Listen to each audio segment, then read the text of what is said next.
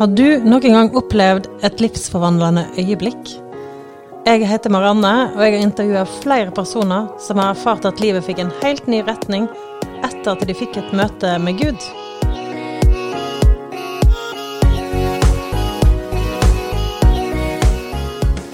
Jeg bor i Oslo, jobber som familieveileder, og jeg har alltid likt å høre folk sin historie. Særlig hva som skaper de store og de gode endringene. Og i denne episoden her så er det Anita som skal fortelle sin historie. Så, men da, jeg tror i det liksom, sekundet, så skjønner jeg at, eh, at, ja, at nå, eh, nå, er du klar, egentlig, til å bli en troende. Mm. Hallo, hallo. Hei. Hei, Anita. Hallo. Takk for at du eh, hadde lyst til å bli med her i en ny ja, i en episode med Vendepunkt. Takk for å bli invitert. Jeg har jo hørt om deg eh, Eller første gangen jeg var i kontakt med deg, det var fordi du skrev en artikkel i Bergens Tidende. Mm. Så da trodde jo jeg at du var bergenser. Stemmer ikke. Nei, nei, jeg hører jo det veldig godt nå. Men eh, ja, og da skrev jeg faktisk til deg, og så tenkte jeg hm, eh, kanskje jeg skal ta kontakt med deg en dag. Men så glemte jeg det litt. Men så var det ei venninne av meg som tipsa om uh, historien din, som mm. I dagen. Mm, stemmer. Mm. Ja, så da tok jeg kontakt, og da var det helt greit for deg å komme. Så det er jeg jo veldig glad for. Ja, takk for invitasjonen. Mm. Men um, kan du si bare litt hvem er du, hvor bor du, hva jobber du med? Er det eventuelt noen fun facts, ja. rariteter, å si? Eh, ja, det er det helt sikkert. Eh, jeg kan jo begynne med fakta, kanskje. Eh, jeg bor på Lørenskog. Eh, jeg er 48 år, det er ikke noe hemmelighet. Eh, jeg er gift eh, og har to voksne barn på 20 og 23.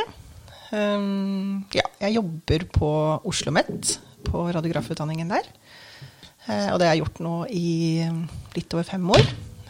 og så eh, jobba jeg på Ahus i mange år før det. Ja, fun facts. Én ehm, fun facts er at jeg har uh, faktisk vært med i en uh, mammagruppe som dansa hiphop. Det er det ikke alle som vet. det er gøy. jeg er faktisk norgesmester i uh, hiphop voksne. Gruppe to, tror jeg det var. ikke så mange med, da, men vi vant nå. så hiphop er det noe du tar i bruk den dag i dag? Nei, ikke nå lenger. Det var en liten periode, men det har jeg lagt på hylla. Hmm. Nei, stilig, da. Ja. Men uh, du har jo um, et vendepunkt. Men uh, kunne du bare sagt litt sånn kort hva det vendepunkt handler om? Ja, det kan jeg absolutt gjøre. Vendepunktet handler Det handler jo om at jeg tidligere ikke har hatt noen ting, relasjon eller noen ting med Gud og kirke å gjøre. Men da i dette vendepunktet så valgte jeg å si ja til å bli en kristen. Og det var en det har vært en lang vei både før og etter det, vil jeg si. Mm. Ja, For du har ikke vokst opp i noen sånn kristen setting eller sammenheng, familie? Nei, det har jeg ikke. Uh, vi har ikke uh, hatt noe fokus på kristendom, egentlig, i min familie. Ikke gått i julegudstjeneste på julaften heller. Så egentlig veldig lite, lite kontakt med kirka. Jeg er uh, døpt og konfirmert, og er for så vidt også gift i kirka. og vi har døpt våre barn. Uh, i kirka. Men eh, det har egentlig vært veldig sånn tradisjonsbundet. Jeg har vel egentlig aldri kanskje reflektert over uh, liturgi eller hva det egentlig har betydd. egentlig. Så, og barna nå er uh, konfirmert humanetisk, så, nå, så jeg har ikke hatt noe kontakt med kirka på veldig mange år før det her. Mm. Og du er jo 48 nå, men uh, når skjedde dette vendepunktet? Ja, dette, det starta høsten 2015. Da var jeg 42. Mm. Ja, og eh, når du vokste opp, eller i løpet av uh, ungdomsstudiet, yrkeslivet ditt, hva var ditt uh, syn? Du sa jo litt da at du man uh, var mer en sånn tradisjons... hadde et tradisjonelt forhold til kirken, men hva var ditt egentlig syn på kristne eller på Gud? Og? Ja. nei, altså For meg så var jeg Gud litt sånn ikke-eksisterende. Det var liksom ikke noe jeg tenkte på i det hele tatt, egentlig. Um, og ja, jeg tenkte, tenkte, egentlig at mennesket i seg selv har nok ressurser eh, til å klare å stå i de utfordringene som måtte komme. Så jeg var kanskje litt mer sånn, eh, i hvert fall etter hvert, litt mer sånn humanetisk tankegang, kanskje. Um, og når dattera vår bestemte seg for å konfirmere seg humanetisk, eh, så satte jeg meg ganske mye inn i humanetikken og tenkte at dette, dette kan jeg nok stille meg bak. Eh, så, så, jeg syns egentlig det var ganske fint eh, at hun valgte det fremfor kirka. Så, nei, så det var sånn altså, På dette tidspunktet, når dette, her, dette vendepunktet starta, så hadde vi vel bodd ca. 15 år i Lørenskog, og jeg hadde ikke satt mine fot i noen av de tre kirkene på Lørenskog. Så det var litt sånn det var ikke noe jeg hadde Jeg forholdt meg ikke til det, egentlig. Møtte du noen som var kristne? Husker du hva du tenkte om ja, eh, At noen hadde en tro, eller hva? Ja, altså jeg tenkte Jeg tror ikke jeg reflekterte så mye over det, men jeg tenkte vel egentlig at de eh, Altså, de må jo gjerne tro. Eh, jeg var ikke noe ateist, på en måte, eh, tenker jeg. Ikke noe sånn Nei, det var bare at jeg egentlig ikke hadde noe særlig forhold til det. Men når jeg tenkte på, kanskje spesielt i denne prosessen, når jeg sjøl begynte å gå i kirka etter hvert, så hadde jeg veldig lite lyst til å bli en kirkegjenger. Jeg tenkte at det var utrolig trauste og kjedelige folk. Og det tenkte jeg før jeg starta å gå der. Så jeg hadde nok helt klart litt sånn fordommer, og kanskje satt kristne i bås, altså. Men jeg har bedt om unnskyldning for det etterpå, da. Så til sognepresten. ja, men det er interessant å høre hvordan man tenkte før. Ja. Men når begynte hva, hva, var foranledningen for at uh, du begynte å bli mer åpen for Gud? Jo, eh, det var egentlig en helt eh, konkret hendelse som man kanskje ikke skulle tro at kunne lede til det heller. men det var, det var rett og slett en begravelse hvor jeg holdt minneord til en ansatt som døde brått og uventet. Eh, hvor det da ble naturlig at jeg skulle holde de minneordene. Eh, så egentlig så var jeg jo på jobb på et vis. Eh, jeg har aldri angra på at jeg holdt de minneordene, det var viktig for meg å få sagt. Men jeg gjorde det jo på en måte i regi av arbeidsplassen, da. At jeg holdt disse minneordene. Og jeg tror ingen kunne forutse hva som skulle skje under de minneordene for min del. Ja, nei, for når jeg holdt disse minneordene, så ble jeg eh, fylt med sånn utrolig varme, sånn intens, eh, smertefull eh, varme. Eh, det var kanskje litt sånn todelt, eh, den varmen. At noe føltes kanskje trygt, men den intense smerten var det jeg egentlig kjente mest på. Um, og da var det som jeg brant opp på innsiden, og ja, det var veldig, veldig intenst og vondt. Smertefullt, egentlig. Uh, og det kom veldig brått på. Jeg hadde jo forberedt meg på at det skulle bli um, litt utfordrende å holde de minneordene. Ehm, jeg hadde ikke holdt minneord før, men jeg hadde gjort mye annet som leder, så jeg tenkte at jeg var rustet til å kunne gjøre det. Um, men det ble helt annerledes. Eh, det ble Ja, om det var hele settingen eller at vi var i kirke. Jeg vet ikke helt hva det er som egentlig utløste det. Hva er det du husker best fra det minneordet? Eller fra å stå der og holde det minneordet? Ja. Eh, jeg husker nok eh, jeg husker veldig godt den intensiteten med å stå der oppe og tenkte at eh, fem minutter var fryktelig lenge eh, å holde minneord. Uh, og så husker jeg veldig godt hvordan det var å sette seg ned etterpå. For jeg tenkte at det nå det hadde kommet igjennom. Og det var ingen som merka på meg utvendig, tror jeg, det som, at det raste på innsiden. Og når jeg satte meg ned, så tenkte jeg at nå, nå har du på en måte gjort, gjort jobben din. Nå kan du slappe av. Og la tårene renne, for det var jo en utrolig trist uh, situasjon. Uh, men da var jeg bare helt forsteina. Uh, og så flusha det sånn veldig varme og kalde strømninger gjennom kroppen. Og det har jeg aldri vært med på før. Det var veldig veldig intenst, det også, vil jeg si. Så jeg, jeg skjønte vel egentlig at det, noe er i ferd med å skje nå. Altså, nå er du liksom med på noe som du Nå har du dratt kanskje strikken litt langt med å gjennomføre dette. Men ja, nei. Så, og når jeg gikk ut av kirka da, så føltes det som jeg var i fritt fall. Altså vi hadde sånn sug, sug i magen som om jeg hadde hoppa ut av et fly og venta på at fallskjermen skulle løse ut. Hmm. Og forsto du på det tidspunktet hva det var for noe? Nei. Eh, ikke da. Eh, for da tenkte jeg Eh, jeg kom jo hjem utpå ettermiddag kveld eh, og var ganske sliten, da. Men det var jeg egentlig forberedt på at jeg skulle være. Eh, men det var som om det var noe som ulma liksom under overflaten. At det var liksom sånn stille for stormen. Men jeg skjønte, ikke, jeg skjønte egentlig ikke hva som var i ferd med å starte. Jeg la meg for kvelden og lukka øynene, så var jeg bare tilbake inn i kirka. Og når jeg våkna opp dagen etter, så var jeg skikkelig dårlig. Uh, da hadde jeg voldsomme smerter uh, i hele kroppen. Ikke kjent noe lignende, og jeg hadde sånn ekstrem uro. Så jeg kunne ikke sitte i ro. Jeg bare trava frem og tilbake i stua i flere timer. Mm. Hvordan ble dette for deg videre? Her, de her følelsene som ja. hadde satt seg, eller den erfaringen? Mm. Nei, altså de neste dagene Eh, eskalerte det dessverre. Eh, det ble egentlig verre og verre. altså Mer og mer smertefullt og mer og mer uro. Og så meldte det seg på en eh, voldsom frykt. Og frykten den retta seg mot kirker. Spesielt den kirken hvor begravelsen var, men egentlig alle kirker. Bare jeg kjørte forbi en kirke eller så et kirkespir, så kjente jeg frykten eskalere. Og også mot prester. Prester i hvitt. Og også kanskje litt etter hvert mot liksom forsamlinger, og tenkte at jeg ikke kommer til å stå foran en forsamling noen gang mer. At egentlig det meste som kunne minne meg om den situasjonen i kirka, fikk jeg frykt mot. Ja, fordi på den, på den ene siden så hørtes det ut som en skremmende opplevelse. Sant? Mm. Fordi det var noe litt utenom det vanlige som skjedde, som mm. man ikke kunne forklare. Mm. Og på den ene måten så hørtes det at det var, det var, på en måte, Du sa jo at det var på en måte litt godt. På den andre siden så var det òg litt skremmende. Mm. Er det riktig? Ja, det er riktig. Eh, jeg tenker at eh, På en måte så tenker jeg at eh, i starten Så kan jeg tenke tilbake på minneordene og tenke at det var At jeg var også At jeg også kjente på en litt sånn trygg følelse. Presten sto der oppe sammen med meg også, og på en måte kjentes det litt trygt. Men etter hvert som dagene gikk etter minneordene, så ble egentlig Så tok liksom det brutale over, på en måte. Eh, så det vonde tok liksom mer og mer over. Eh, ja, og det ble liksom tøffere og tøffere dager. Mm.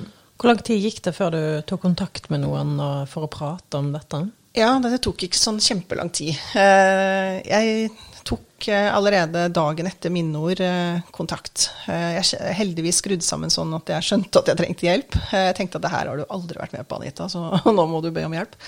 Og jeg var veldig sikker på hvem jeg skulle spørre om hjelp. Jeg hadde bare en veldig høy terskel for å gjøre det. Men da tok jeg kontakt med presten som sto bak meg i begravelsen, og snakka med han en times tid da dagen etter. Jeg tror han blei ganske overraska over å få den telefonen. Eh, men det hjalp å snakke med han, og så ba han meg om å finne en eh, i mitt eget arbeidsmiljø som jeg kunne snakke med videre. Um, og den eneste personen jeg kom på da, var egentlig sykehuspresten. Jeg trengte å snakke med en med taushetsplikt og en som ikke jobba på samme avdeling som meg, egentlig. Hmm. Så da tok du kontakt med en prest, selv om prest var en av de tingene som du hadde begynt å bli redd for? Ja, faktisk. Og det er veldig, veldig underlig eh, at selv om jeg eh, ja, selv om jeg begynte å få prestefrykt, så var det allikevel presten jeg ville ha hjelp fra. Ja. Så det er veldig rart å være med på. Sånn, det var veldig sånn tosidighet i det mm. der. Så, men jeg kjente at det hjalp. Og ja, og jeg har jo da ikke valgt å ta kontakt med psykolog. Jeg starta med prestene og tenkte at ja, var, de var de rette å snakke med. Spesielt han fra begravelsen, for han tenker han hadde tross alt vært der. Eh, og liksom kanskje kjent på noe av det samme som jeg kjente på av stemning og sånn.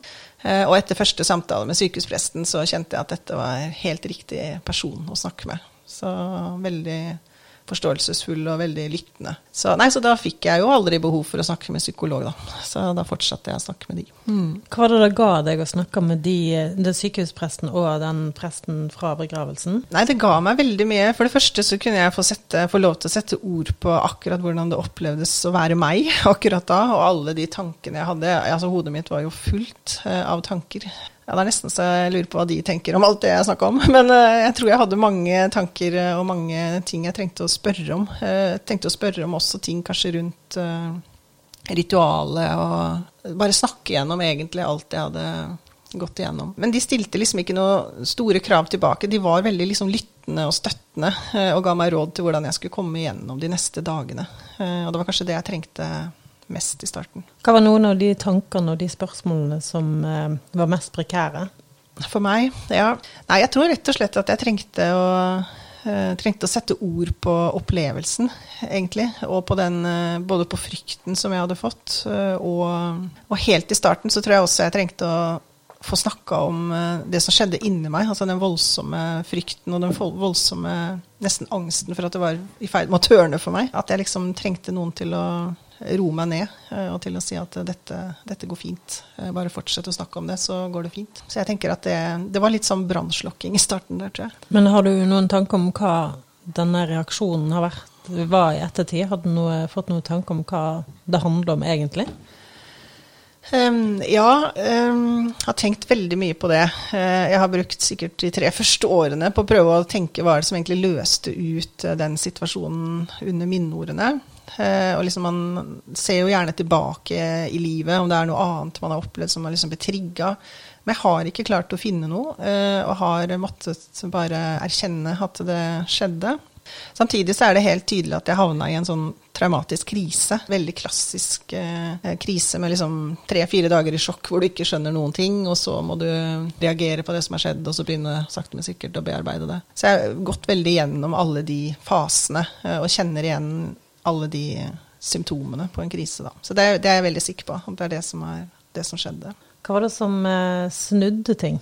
Ja. For det kan jo være flere ting. Ja, det trenger ikke være ett vendepunkt. Nei, ikke sant. Det er nok flere, flere vendepunkt der. Altså, det, som, det, er, det er flere ting som snudde det. Og jeg fikk, jo, jeg fikk jo denne frykten som jeg bestemte meg for å ta, egentlig. Og, så jeg starta liksom frivillig med sånn eksponeringsbehandling hvor jeg liksom konfronterte frykten. Så jeg reiste mange ganger tilbake til denne kirken. Eh, da først eh, til presten og etter hvert inn i kirka igjen. Eh, og i den prosessen så har det liksom dukka opp flere, flere ting. Eh, det første var at jeg av alle ting eh, fikk lyst til å gå i gudstjeneste i jula. Eh, da hadde det gått nesten to måneder etter mine ord, og jeg var fortsatt, fortsatt veldig prega av det.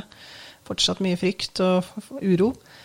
Men allikevel så fikk jeg fryktelig lyst til å gå i kirka. Sånn veldig spontan idé om at jeg ville gå i kirka. Så det gjorde jeg den romjula. Mannen min ble med. Jeg tror han tenkte at dette må jeg bare henge med på, for nå, nå finner han på noe nytt her. så, nei, så da gikk vi i Strømmen kirke, den eneste kirka jeg egentlig hadde noe forhold til da. og i løpet av den gudstjenesten så blir jeg helt rolig. alt av den uro og frykt slipper. Og jeg ble fylt med en fred. Uh, og det var en sånn himmelsk eh, opplevelse etter å ha stått i det så mange uker.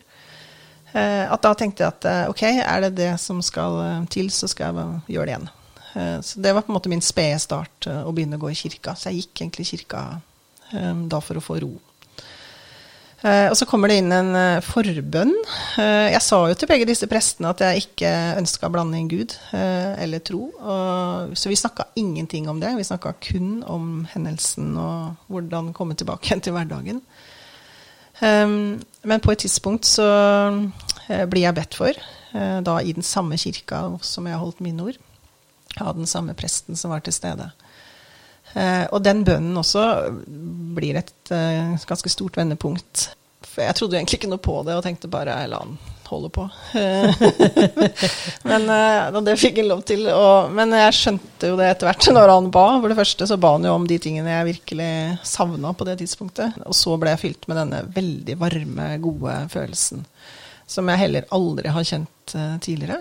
Og jeg ble så utrolig glad av den følelsen. Jeg fikk eh, egentlig energi av den også. Eh, på det tidspunktet var jeg ganske sliten. Eh, og den, varte og rakk. Den holdt på en uke før den liksom roa seg litt ned. Det var som å ha på en sånn radiatorovn på fullt i en hel uke.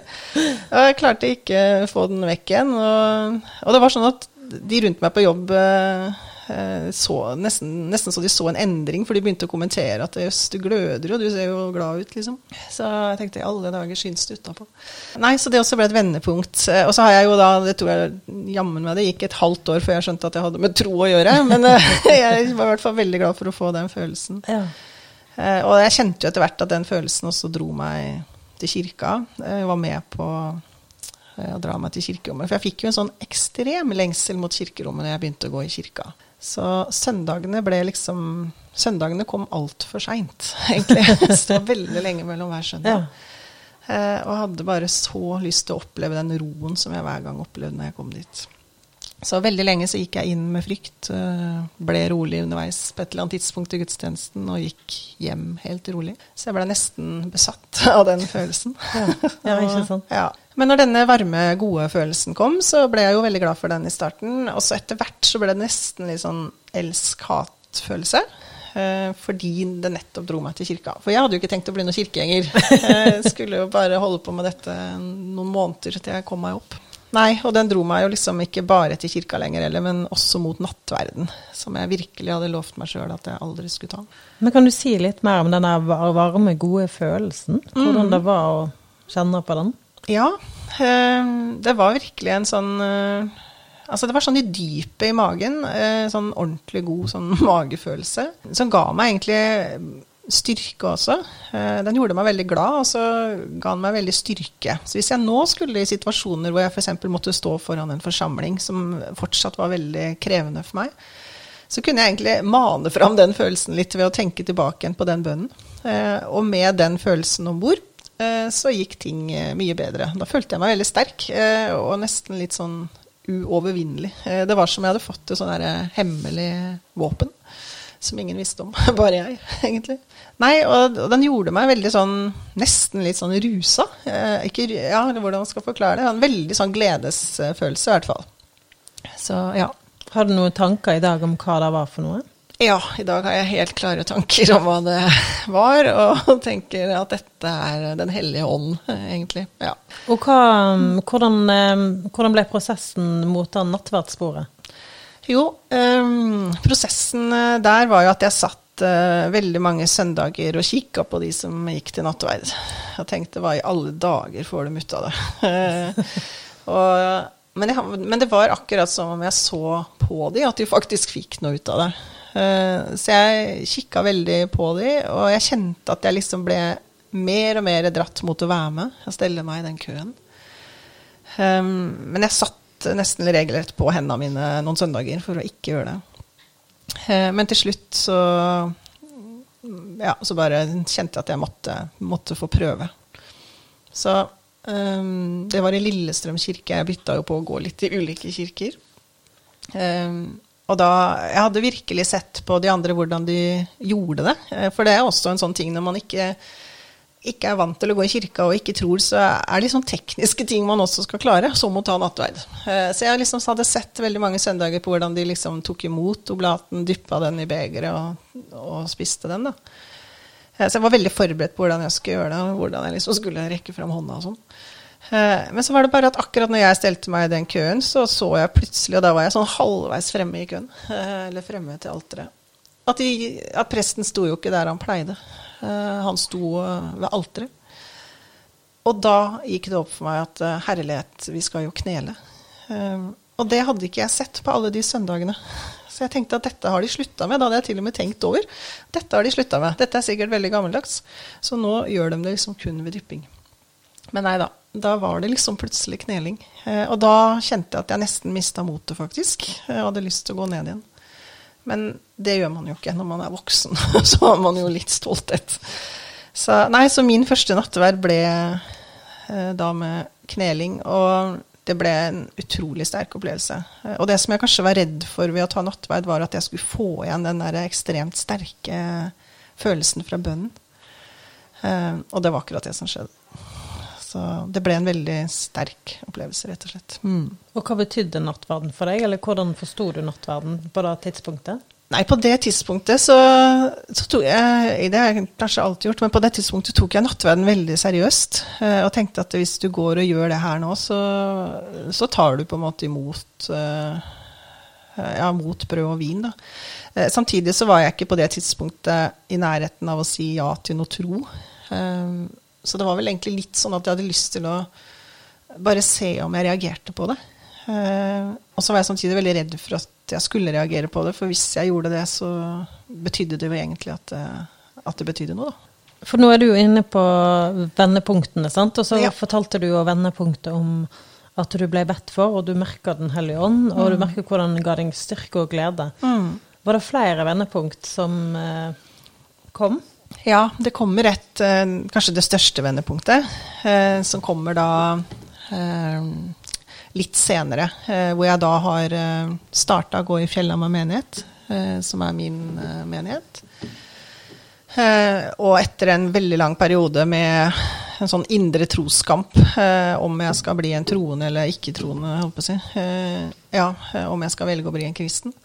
Og hva det vil si å være det. Det streier jeg veldig mye med. Eh, så jeg gikk hele tiden og tenkte på om jeg var en troende nå.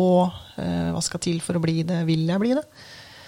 Eh, og etter en sånn lang kamp med det, så kjente jeg at til slutt at jeg kan ikke fortsette å bruke 24 timer i døgnet hver dag til å tenke på det her. Jeg hadde litt annet å gjøre òg.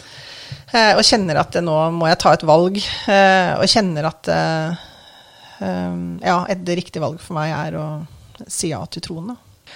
Så det store vendepunktet kommer da eh, en tidlig januarmorgen da, på nyåret da vi 2017, eh, hvor jeg møter eh, sognepresten eh, i Fjellemar. Eh, og hvor vi da har planlagt eh, ja, hva skal man kalle det? Et lite form for rituale eh, som skal være min omvendelse. Og hvordan var det? Hva husker du best fra da? Jeg husker egentlig, jeg husker veldig mye av det, for det, det er en sånn episode som står veldig sterkt i mitt liv, egentlig. En dag som betyr veldig mye. Eh, jeg husker veldig godt at jeg møtte opp den morgenen eh, klokka åtte, og jeg var faktisk fortsatt litt i tvil eh, om jeg skulle tørre det. Jeg syns det var et utrolig liksom, stort skritt å ta i livet. Eh, også liksom om jeg hadde lyst til liksom, å innordne meg eh, under Gud, en makt, liksom. Eh, om liksom Hadde jeg liksom lyst til det? Um, og han leser uh, 'Den hjemvendte sønnen, som var en del av det vi hadde avtalt, og kjente fortsatt at uh, det ikke helt traff, kanskje. Jeg var ikke helt enig. og bare Nei, jeg vet ikke. Uh, og hvor da sognepresten begynner å hjelpe, skal hjelpe meg på vei og, med å forstå hva jeg skal gjøre, og begynner å snakke om disse øyene, hvor han liksom snakker om en troende øy og en ikke-troende øy i et hav. Hvor havet liksom er livet, som kan være stormfullt og stille. Og, og, jo mer han liksom snakker om det, så ser jeg det jo for meg, hvor han liksom står på den troende øya, og jeg på den ikke-troende. Og, og, jo mer han snakker om det, så kjenner jeg det så utrolig tydelig at jeg er på feil øy. At nå er ikke lenger ikke-troende øya min øy. Men at jeg ikke aner hvordan jeg skal liksom komme meg over eh, til riktig øy. Så, men da, jeg tror i det liksom sekundet, så skjønner jeg at, at, ja, at nå, nå, er du klar, egentlig, til å bli en troende. Mm. Og hvordan var det? Nei, da gjør vi det som vi hadde bestemt, og som jeg ønska sjøl, eh, som skulle liksom være min, min, handling da, for å bli en troende. Eh, og det er at jeg leser eh, trosbekjennelsen helt alene fremme kirka liksom vendt mot alteret. Med, liksom, med presten ved siden av meg, og han holder liksom en forsiktig arm rundt skulderen min. Sånn, ja, veldig omsorgsfullt og forsiktig. Eh, og hvor jeg da starter å lese trosbekjennelsen. Ja, det er, det er fortsatt liksom vanskelig nesten å snakke om det, for det, det er så utrolig sterkt. Og jeg tror kanskje aldri jeg har følt meg så sårbar i Eh, en, i hvert fall en av de øyeblikkene i livet jeg har vært virkelig sårbar. Jeg følte jeg sto liksom helt ja, helt naken foran Gud, egentlig. Eh, men ved å lese trosbekjennelsen, eh, og jeg gjorde det veldig sakte, så kjente jeg at all den uroen, alle de tankene, alt jeg liksom hadde deala med fram til da, bare slapp taket fullstendig. Så jeg ble utrolig rolig. Og rett etterpå så ber presten en bønn eh, om at Gud må ta vare på en, eh, en skjelvende nytroende. så det var veldig, et veldig fint øyeblikk. Mm. Og hvordan hadde du det? Du sa, jo, du, du sa jo at det var et av de mest sårbare øyeblikkene. Mm. Hvordan var det egentlig å lese den trosbekjennelsen? Eller si den? Hvordan var det egentlig? Nei, det var veldig um, Altså, jeg, på en måte så var det veldig alvor for meg. Eh, altså, det var eh, veldig sånn seriøst. Eh, eh, det betydde utrolig mye for meg å ta liksom, det skrittet, og tørre å gjøre det. Jeg følte meg kanskje litt modig også, at jeg faktisk turte å ta det skrittet. Og så klar, altså, Ved å lese den så sakte som jeg gjorde, så kjente jeg at jeg liksom kunne stille meg bak hvert eneste ord. da. og tenke at ja, dette tror jeg faktisk på. Eh, og dette vil jeg eh, vil jeg ha, på en måte, eh, i livet. Så jeg har jeg kan faktisk si liksom med hånda på hjertet at jeg har tvilt utrolig lite de fem årene etter det der. Jeg tror kanskje jeg gjorde unna veldig mye av den tvilen i forkant. Og har vært helt sikker på det valget hele veien. Mm. Så det var veldig deilig å gå ut av kirka da, helt rolig. sånn forunderlig rolig. Det var sånn at herlighet har jeg ikke én tanke i hodet, liksom. Uh, for det var Jeg husker vi gikk en skogstur, jeg og min mann, etterpå. og Eh, jeg var fortsatt veldig rolig og tenkte at det, er ikke mulig å være så rolig. Eh, eh, for da hadde jeg liksom hatt dette kjøret et år. Nei, Og det gjorde også at jeg ikke tvilte på den avgjørelsen da, i det hele tatt. Var så, det var så godt Det ble så bra tegn for meg at jeg hadde tatt det riktige valget ved at jeg ble så rolig. Og hvordan ble tiden etter, da? da, da nå har det jo gått fem år siden mm. den bestemmelsen. Hvordan ja. har livet vært? Um, livet har vært eh, bra på veldig mange måter. I dag har jeg det veldig bra, eh, og veldig sikker på både hvem jeg er og hvor jeg skal være. Eh, men de første årene etter omvendelsen eh, var fortsatt litt strevsomme. Eh, det kunne jo liksom stoppa der og vært en eneste solskinnshistorie, noe det for så vidt kanskje har blitt eh, etter hvert. Men jeg, jeg, hadde så utrolig utfordringer med å være åpen om det. Så fortsatt gikk det et år uten at jeg sa det til noen. Eh, veldig få, i hvert fall. At jeg hadde begynt å gå i kirka. Eh, så jeg fortsatte egentlig å leve litt sånn to liv. Eh, ett som ligna på det jeg hadde fra før, og ett som liksom var det nye livet med troen og kirka. Og det var veldig slitsomt å leve to liv, for da skal man også skjule ting. Og ikke si, at, ikke si hva man har gjort på søndager, f.eks. Ja, så det var veldig strevsomt. Eh, så etter hvert, eh, i samråd med sogneprest eh, Tor Martin, så laga vi egentlig et prosjekt, et prosjekt, eller mitt prosjekt, da, som vi kalte Ett liv. Hvor vi liksom jobba mot at jeg måtte viske ut disse grensene og egentlig bare ha ett liv hvor alt var med. Men det var ikke gjort over natta, det, altså. Så jeg har gått mange mange skritt. Og hvordan reagerte folk rundt deg når de fikk høre at du hadde tatt den bestemmelsen? Jo, det har gått uh, veldig fint, det. Uh, så jeg tenker at mye av den redselen eier jeg nok sjøl, på en måte. at man blir liksom kanskje mer redd for hva folk skal si. For når jeg først liksom har vært åpen om det og stilt opp i menighetsblad og sånn, og fortalt om det her, så har reaksjonene bare vært positive. Eh, og jeg har eh, snakka utrolig mye tro med mange ulike mennesker. Kanskje mest mennesker som ikke tror, eh, som faktisk får behov for å snakke om tro. Og det syns jeg er kjempeinteressant og fint. også litt underlig. Og det er sjelden at det er jeg som starter de samtalene. Og det er utrolig mange måter å komme inn på tro på, men, og i veldig mange ulike situasjoner. Så jeg snakker faktisk ganske mye om tro i dag. Eh, så jeg tenker at det er viktig at noen tør å stå fram, ja, sånn som jeg har gjort. Eh, som da ja, at man blir kristen i voksen alder, og til og med tør å si at man kanskje ikke hadde lyst til det. Eh, ja, At det åpner noen dører hos andre, da. For dette var jo en omvendelse. Du, jeg vet ikke om du sa det tidligere, men når jeg snakka med deg i hvert fall før, så kalte du at den denne trosbekjennelsen. Det var et omvendelsesøyeblikk. Ja, helt kan du bare liksom si litt mer om omvendelse? Hva legger du i det? Nei, det, jeg tenker at den, eh, den timen i Fjellhamar kirke der absolutt er min omvendelse. Og jeg tenker at jeg da sa ja til uh, det nye livet med Gud, som jeg da ikke hadde tidligere. Og opplevelsen av det har vært veldig sånn nå, egentlig. At jeg liksom starta på et nytt liv den dagen. Eh, og det var ikke noe jeg bestemte meg for, og nå skal jeg tenke sånn. Eh, men det ble, ble, bare sånn helt eh, naturlig. Så det der med å bli født på ny, som man kanskje kan le litt av og tenke at eh, det, hvordan er det mulig? Det har jeg faktisk kjent veldig mye på. Det var akkurat sånn det nye livet starta den dagen. Eh, og at det gamle livet stoppa den dagen. Eh, og veldig lenge så ble det også to sånn adskilte liv. Det gamle og det nye. Og den det var nesten litt sårt i perioder, for jeg hadde jo tross alt da levd i over 40 år og veldig mye bra i det gamle livet. Som jeg liksom på et vis avslutta der og da, eh, ved å starte på det nye. Ja, altså det, liksom, det nye livet betydde veldig mye sånn i starten. Det var nesten så jeg mista liksom begrepet begrep om hvor gammel jeg var. For det var liksom Ja, jeg var født på ny, men litt usikker på hvor gammel jeg var når jeg ble født. så, Så jeg følte meg kanskje en del yngre en periode der. Så, men i dag så kjenner jeg at det gamle og nye livet henger veldig fint sammen, og ikke så brutalt um, skille som jeg kanskje opplevde i det første året der. Så, men veldig underlig følelse. Uh, at det virkelig var starten på noe nytt. Mm. Hvordan ble evangeliet opp, åpenbart for deg?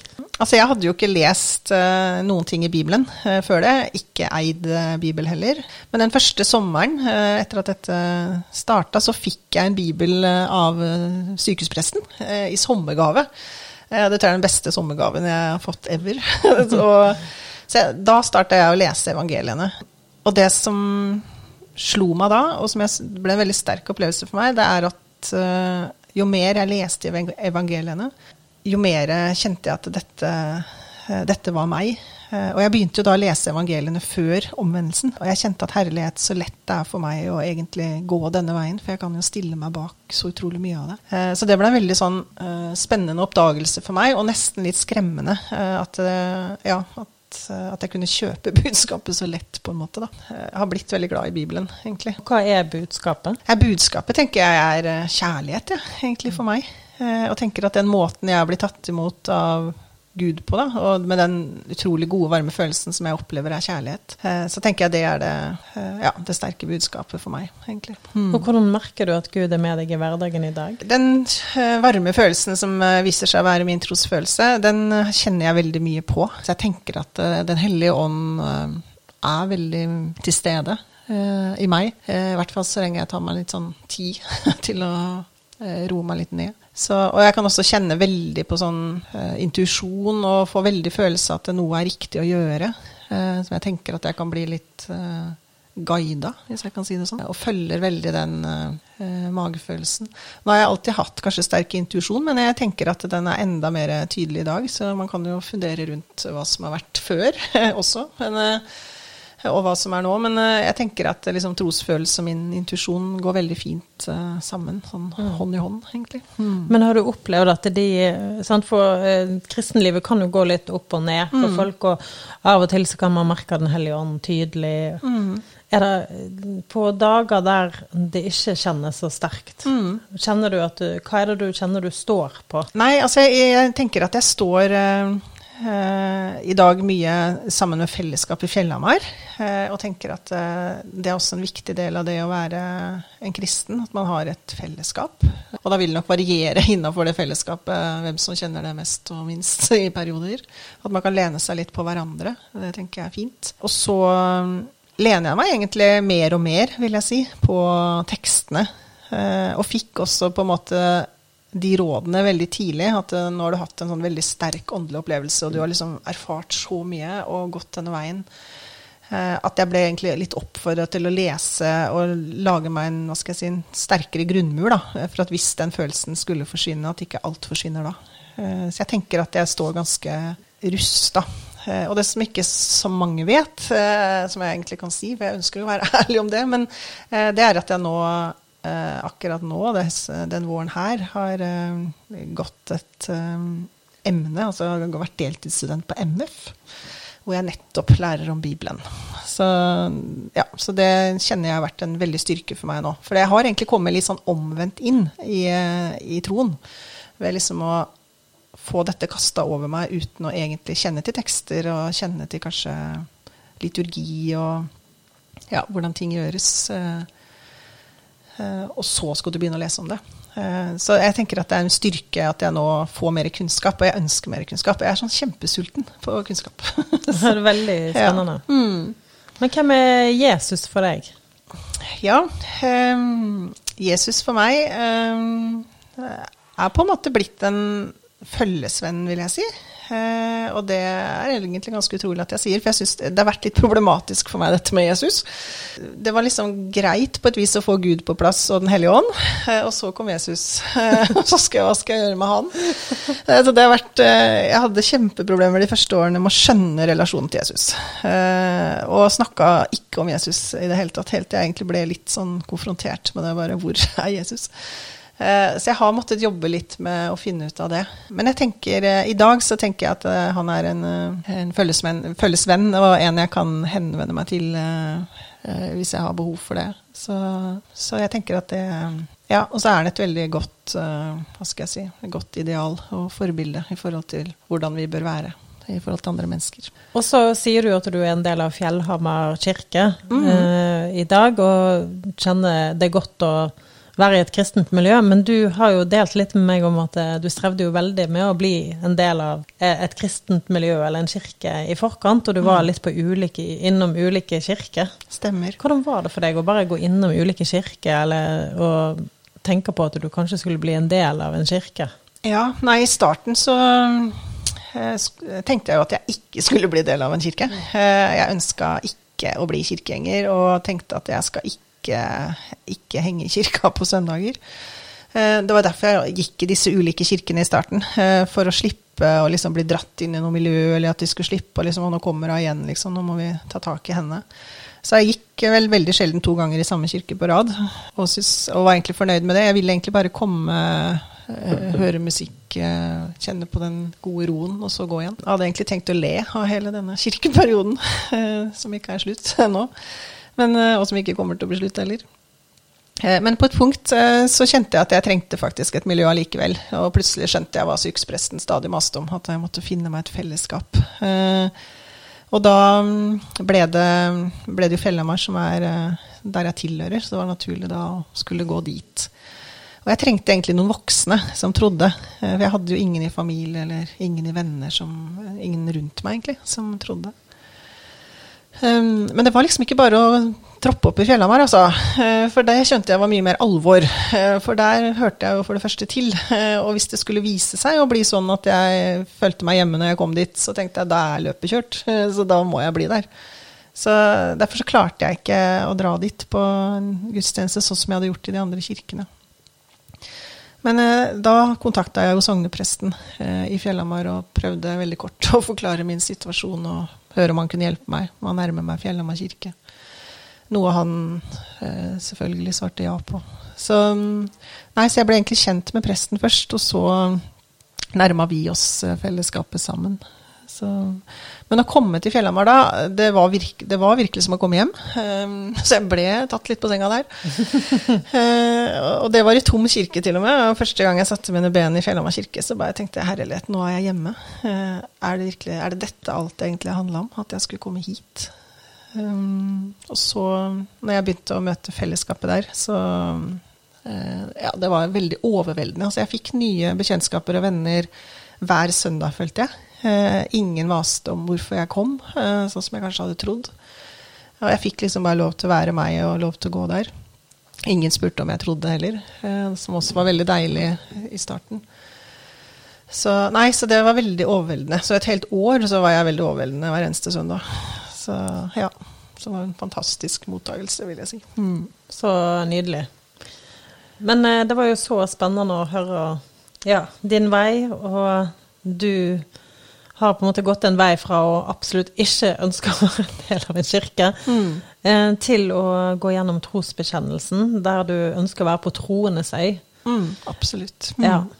Men bare sånn avslutningsvis, hva er tro, eller hva, det, hva tror du på? Eller hva for trosbekjennelse er det som sitter igjen hos deg? Ja, altså jeg tror eh, eh, Altså jeg tror absolutt på at Gud fins. Det er kanskje det viktigste valget jeg tok, da, som trodde at han Eller tenkte at han overhodet ikke fantes. Uh, og så tror jeg jo på uh, at, eh, ja, at Jesus er Guds sønn. Så det blir jo på en måte trosbekjennelsen. Og Den hellige ånd kjenner jeg også ofte på, så den er det vanskelig å ikke tro på. Eh, så jeg tenker at eh, Nei, jeg tror på, på en måte budskapet, budskapet i evangeliene, egentlig. Mm. Og hva vil du si til eh, andre i, som kanskje i din situasjon, at de har begynt å gå litt rundt til ulike kirker, men har ikke lyst til å bli en del av det, men merker at det er noe som drar de til kirken? Er det noe du kan si til de til slutt? Ja, eh, egentlig mye jeg kunne sagt til de. Jeg tenker at det de kanskje først og fremst eh, kanskje bør kjenne litt på, er kanskje de fordommene vi har mot eh, kirke og det å være en troende. Eh, for jeg tok så utrolig feil. Ingenting av det jeg trodde tidligere stemte. Eh, Det er helt annerledes, og det er helt fint å gå i kirka, på en måte. Og det gir deg veldig mye Jeg har nok funnet en brikke i livet som jeg ikke trodde jeg mangla. At jeg er blitt eh, mye tryggere og fått, fått helere, blitt helere, da. Og få den åndelige biten på plass. Eh, så jeg tenker at man skal fortsette å være nysgjerrig og kanskje legge bort, legge bort fordommene, egentlig. Ja. Og så tror jeg faktisk, min erfaring disse årene, at det er mange som kanskje søker søker eller lengter etter dette, sånn som jeg har gjort i denne prosessen, uten kanskje å skjønne, skjønne hva det er man søker og lengter etter. Og da kan det godt være at de finner det i kirka, sånn som jeg også fant. Veldig fint. Er det noe mer du føler du vil si før vi avslutter?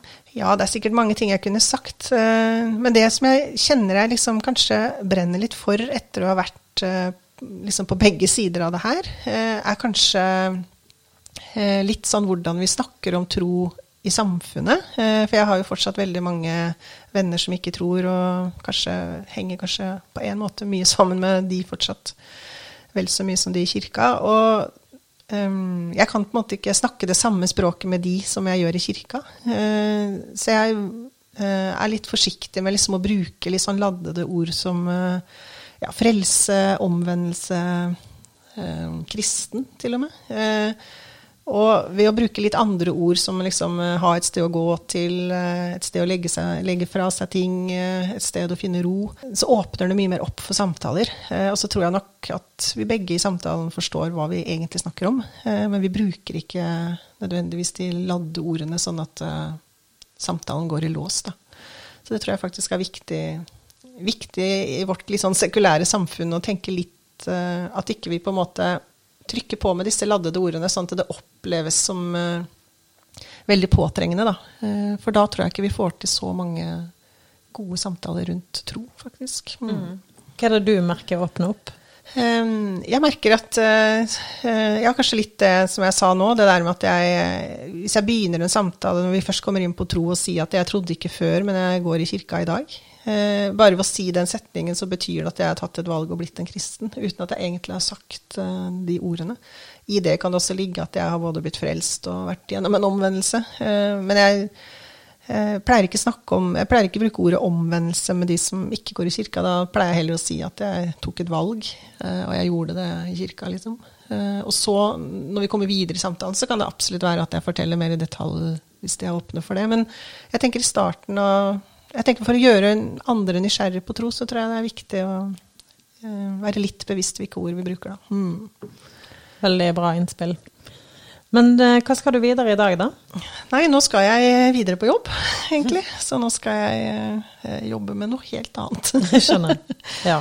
Mm. Men du må jo ha en nydelig dag videre. Det er jo fint vær her i Oslo. Mm. Mm.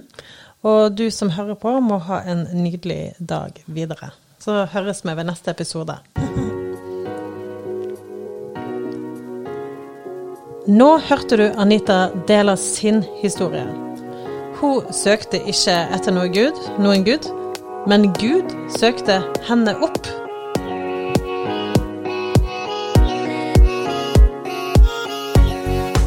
Likte du episoden, del den gjerne på Facebook eller på Instagram.